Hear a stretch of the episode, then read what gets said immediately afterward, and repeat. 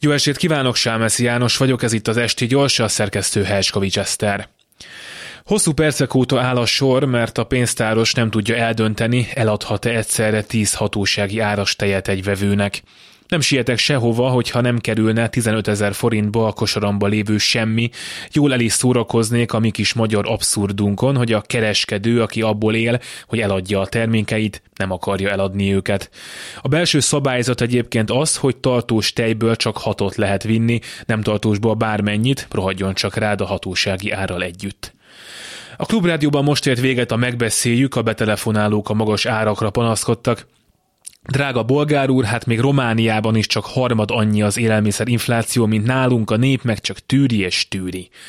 A pénteki esti gyors műsorvezetőjét nem kedvelem, átkapcsolok a YouTube-ra, még el sem döntöttem, hogy foszis podcastot vagy egy két órás Lendvai Ildikó interjút választok.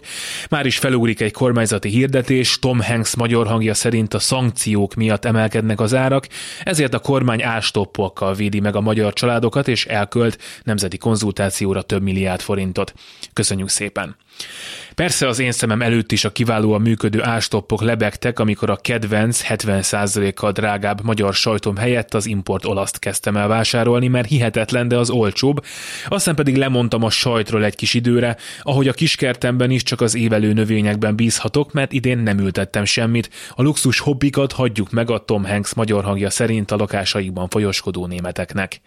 Szóval alig várom az új ástoppokat, amiktől megint minden drágább lesz, talán már csak egy újabb kiskereskedelmi extra külön csoda adó hiányzik a kanyarban előzéshez. Törökország egyre közelebb, Argentina még messze, de ne adjuk fel. A helyzet magaslatán álló magyar állam egyre magasabb polcra kerül, a saját maguk által okozott gazdasági problémákat tovább tetéző hülye államok népes csarnokában.